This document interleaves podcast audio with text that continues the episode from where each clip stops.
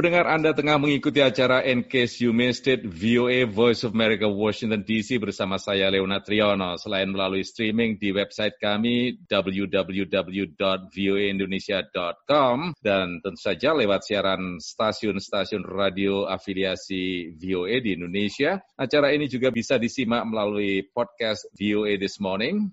Tamu kita pagi hari ini Larry Reid. Mungkin Anda sudah pernah mendengar nama itu. Dia adalah seorang seniman kondang yang sangat-sangat terkenal dan wow. diakui secara nasional dan internasional dan merupakan pelopor dalam teater wayang kontemporer. Dia adalah orang barat pertama ya yang belajar dan berlatih sungguh-sungguh menjadi dalang wayang tradisional Bali. Nah, ini kok Bali? Nanti kita tanyakan kenapa Bali bukan Jawa. Selama bertahun-tahun dia telah menampilkan ratusan pertunjukan, banyak sekali ya dalam yeah. tradisi ini di seluruh dunia. Mungkin lebih jelasnya kami mohon tamu kita ini Larry Reid untuk memperkenalkan diri. Silakan Pak. Oh ya, saya dulu dulu sekali saya masih muda saya pernah ke Indonesia, pernah ke Bali dan uh, ini pada tahun 70. Waktu itu belum ada listrik di desa-desa di sana bahasa Indonesia di kampung hanya sedikit. Could you saya repeat? tertarik sekali. Sebelum saya ke Indonesia, saya sebagai seorang aktor dan sutradara di Amerika dan juga di Amerika Selatan. Tetapi setelah beberapa tahun di Costa Rica, saya ada keinginan belajar sesuatu yang bukan dari Eropa. Keinginan saya pada waktu itu ke Asia dan membelajar sesuatu di sana. Belum tentu apa hanya saya tertarik sekali dengan teater, paling dulu dengan topeng-topeng uh, yang ada di Bali. Lantas baru tiba di Bali mereka bilang harus belajar uh, main musik dulu dan saya belum pernah ada pengalaman belajar apa saja. Pada waktu saya di sekolah tidak dibolehkan saya nyanyian pun. Lantas waktu di Bali saya melihat topeng melihat itu wayang kulit juga saya rasa tertarik sekali dengan itu. Itu tahun 70. Setelah itu pulang ke Amerika. Tahu-tahu di sini ada pada waktu itu sekolah yang namanya Center for World Music. Di situ bisa belajar main gamelan dan wayang. Paling dulu saya belajar wayang Jawa. Saya senang sekali dengan itu. Selama beberapa bulan, setiap hari dalamnya Pak Omar Topo menjelaskan semua hal-hal tentang itu, tentang Mahabharata. Menarik sekali waktu itu. Tetapi sukarnya kalau mau main wayang Jawa, alatnya berat sekali dan banyak sekali mesti ada orang penabutan sebagainya. Lantas setelah kemudian tahun saya mulai belajar wayang Bali dengan Pak Nyoman Sumandi di sekolah yang sama itu. Dan setelah itu saya bilang, wah saya tertarik sekali dengan itu. Apakah ada kemungkinan saya bisa ke Bali mendalami pelajaran itu? Lantas dia bilang, wow saya pada saat ini saya sedang belajar di Amerika.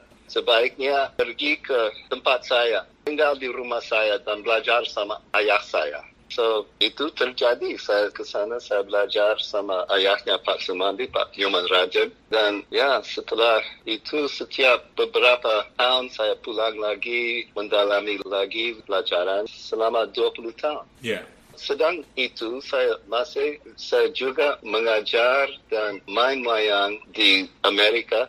Pak Sumandi dengan saya juga mengajar di Prancis, di Unima di Prancis uh, tahun 86 kira-kira. Yeah.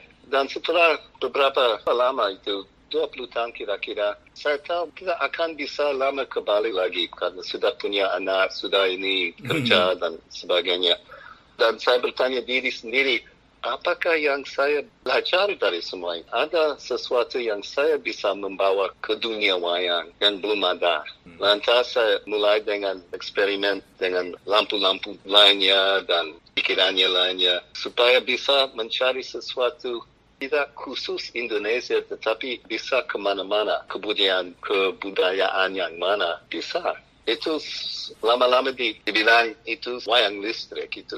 Karena di Bali wayang api yang tradisional api. pakai api yang saya membawa pakai listrik. Tetapi yeah. listrik itu supaya bisa mencampur manusia pakai topeng dengan wayangnya, dengan latar belakangnya, dengan pikiran juga inspirasi dari yeah. dunia bioskop, dari film. Yeah, yeah. Jadi lantas setelah itu saya tetap saya main wayang Bali tradisional mungkin dan lagi saya mengadakan segala wayang listrik dari uh, Perancis, dari mana-mana bisa. Yeah. Sering dari Jepang, pakai cerita dari Amerika Selatan juga. Tertarik sekali, menarik sekali saya dengan semua itu. Sampai sekarang saya masih senang. Bapak mendapat inspirasi dari berbagai belahan dunia, dari Perancis, dari Jepang, dan memainkan semuanya dengan manipulasi listrik ya, light ya.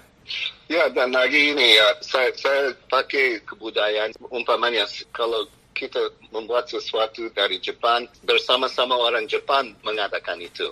Oh yeah. Kalau dari Amerika Selatan bersama-sama mereka juga supaya selalu ada orang dari kebudayaan itu yang um, terlibat. Ya benar. Nah ya. kemudian uh, itu menarik Pak. Bapak sudah mengadakan pertunjukan di banyak negara ya. Sudah berapa kali pentas dan di mana saja itu dan mana ya yang paling mengesankan?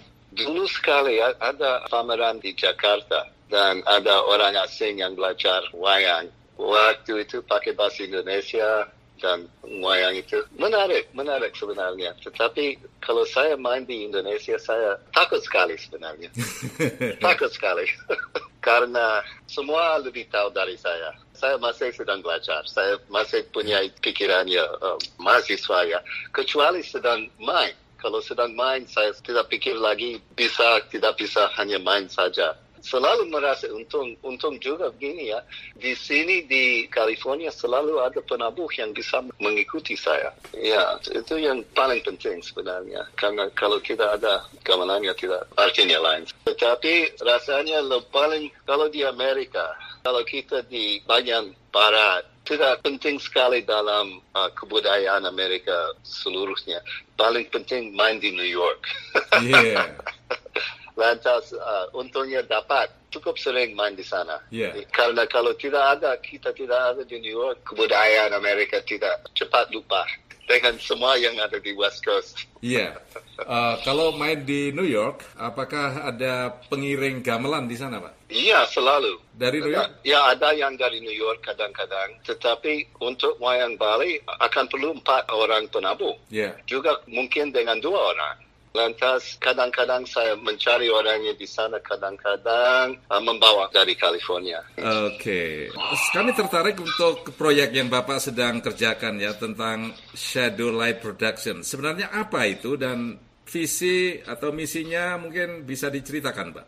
Iya, itu seperti tadi Shadow Light. Pada waktu saya mau membuat sesuatu yang bukan wayang Bali, bukan wayang Jawa. Ya, saya ingin mencari sesuatu lain dari itu. Mm-hmm. Lantas selama berbulan-bulan saya mencari, mencoba lampu ini, lampu itu. Karena dalam pikirannya saya ada keinginan memakai layar besar sekali. Mm-hmm. Dan saya ingin campur orang dengan wayang, dengan latar belakang dan sebagainya supaya nanti kelihatannya seperti film yang hidup. Yeah. I- itu tujuannya. Dan tahu-tahu orangnya senang sekali. Ya, yang pertama-tama kita membuat sesuatu dengan dua orang uh, dari Jawa. Yeah. Itu yang paling dulu. Tapi di sini, di San Francisco. Dan dari itu saya lihat, ah, ada kemungkinan ini bisa jalan. Setelah itu saya mulai setiap tahun membuat satu proyek besar. Sampai sekarang banyak sekali kami menyelesaikan. Oh banyak ya Pak ya? Apa ya. bisa disebutkan mungkin beberapa yang ada hubungannya dengan Indonesia misalnya? Ya ada banyak sebenarnya karena sering kerja sama gamelan saya kerja ya. Oh ya. Dicampur Ya, ya, ya, semua itu. Ada kawat legong, ada yang dinamakan wayang listrik, itu Ambrosia juga. Ada lagi Drupadi yang tadi kami membuat. Drupadi. Uh, dan pertama kali wayang listrik masuk ke Bali, saya juga membawa itu uh, di, di Desa Pangasakan dengan ceritanya Maya Danawa. Pada waktu saya membawa pikiran yang memakai wayang listrik itu, belum ada nama wayang listrik sebenarnya. Iya. Yeah itu dipangsakan saya jelaskan kepada teman di sana ini cara kita kerja. Dia bilang oh oke. Okay. kalau di Bali kami memakai api tetapi ini baru kenapa tidak dinamakan itu wayang listrik Dan itu dengan gamelannya dipangosakan dan dengan tolong banyak seniman Bali, kami mengadakan wayang listrik yang pertama di Bali dalam rangka Walter Speeds Festival. Proyek apa yang sekarang sedang dikerjakan Pak? Atau mungkin dalam perencanaan begitu? Saya membuat dua hal. Yang satu, rekam wayang umpamanya di Bali, yeah. di Malaysia, di Turki sebagai contoh sebenarnya. Yeah dan yang kedua mengadakan pertunjukan baru dengan cara wayang listrik. Juga oh. saya pakai Shakespeare. Audiensnya siapa? Apakah ada peminat? Kalau ada, siapa saja dan di mana saja itu?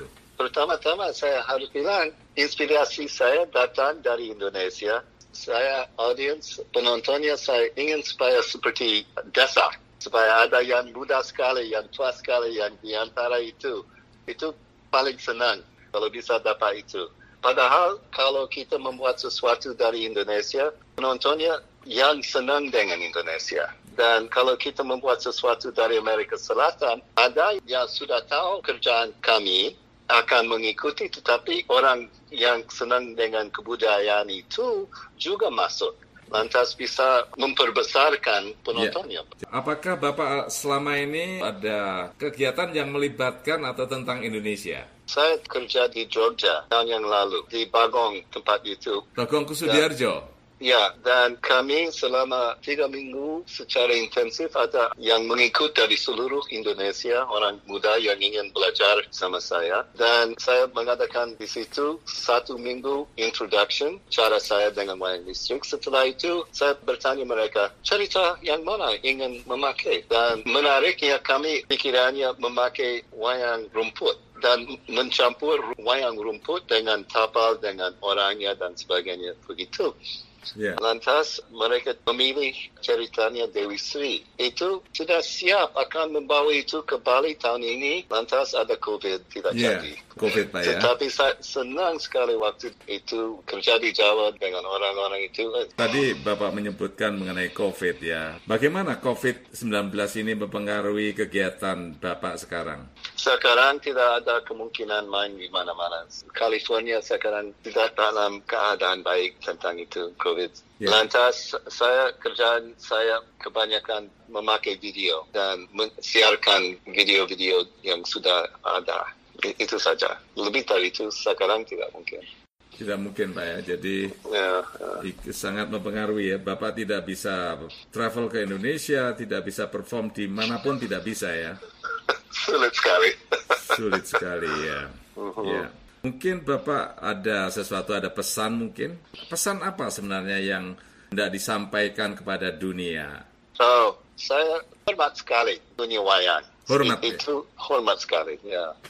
Karena uh, saya merasa dalam sekali itu. Ada banyak tidak kelihatan, tapi dalamnya sudah penting sekali. Yeah. Dan ini yang saya ingin membawa ke orang lain. Perasaan hormat dan apresiasi itu. Ya, yeah, kepada hmm. orang lain di mana saja, Pak ya? Iya, yeah, itu. Mungkin ada hal-hal lain yang ingin ditambahkan, Pak? Silakan. Hanya mungkin di website kita barangkali menarik sekali kepada orang lain yang belum dapat lihat pertunjukannya. Bisa disebutkan, Pak? www.shadowlight.org. Ya, saya ulangi Pak ya. Yeah. www.shadowlight.org.